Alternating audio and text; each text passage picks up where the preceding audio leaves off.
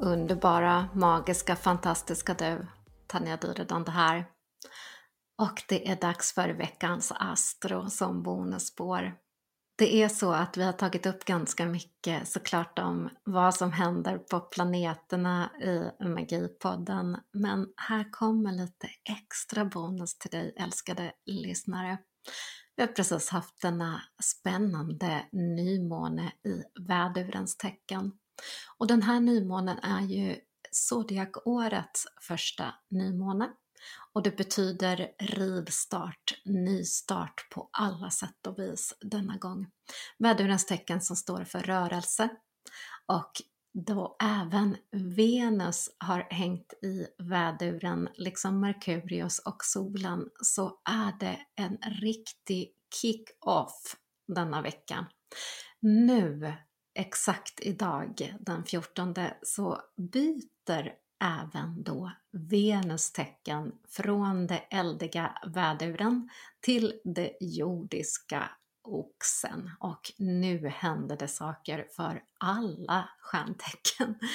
Och framför allt så Venus som är kärleken, passionen och där mycket av den här nymånen också har handlat om just att plocka upp det du är passionerad för, det vill säga mål, hitta nystart, leta rätt på passionen, det vill säga det som du har längtat efter att göra. Kanske är det så att du innerst inne i ditt hjärta har längtat efter att måla en tavla. Du önskade när du var tonåring att du skulle bli konstnär och känner varje gång du kommer på en utställning eller ser en vacker tavla ett litet sting i hjärtat att det där kunde ha varit jag. Exakt det är drivet i den här nymånen som satte, eh, vad ska man säga, fokus fram till fullmånen som kickar igång den 27 i Skorpionens tecken.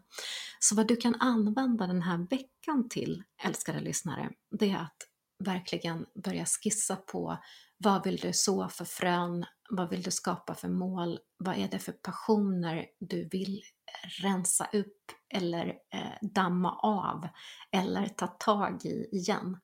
Det kan också vara så att eh, du nu får en extra skjuts just för att damma av det där kärleksfulla i att måla den där tavlan om det just var tavla du suktade efter förr genom passionen. Men det kan ju vara annat också, det kan vara allt ifrån trädgårdsarbete till andra hobbyn eller faktiskt någonting som du har förvärvat och arbetar med idag.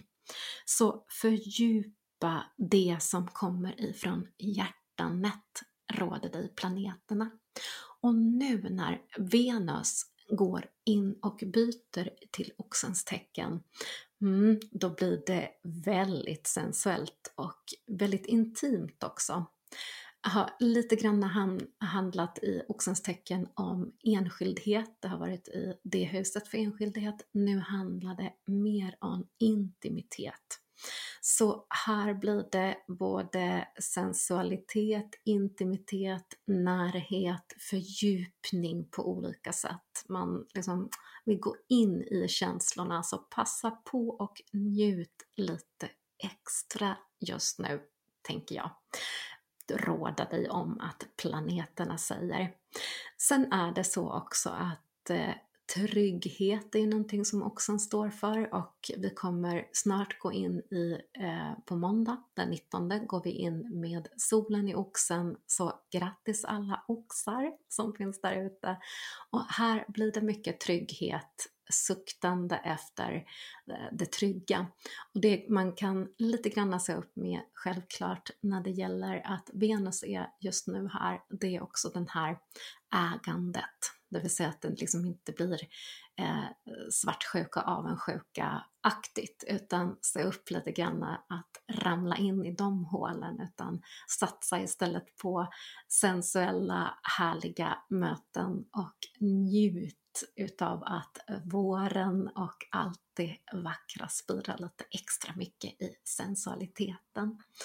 Och självklart så passar jag även på att önska dig en kärleksfull, härlig eh, vecka. Och du kan börja blicka upp lite grann extra mot himmelriket och eventuellt så kommer du också i slutet av veckan, början av nästa vecka, börja se lite grann utav asteroidregnen som är på G. Det kommer vara lite eh, beroende på var för någonstans du är i Sverige så kommer du få blicka lite på olika ställen. Men det är lite härliga saker som händer på himlavalvet så upp med blickarna i skyn och kom ihåg att det är du som är den mest starkt lysande stjärnan. Så hörs vi snart igen. Hejdå!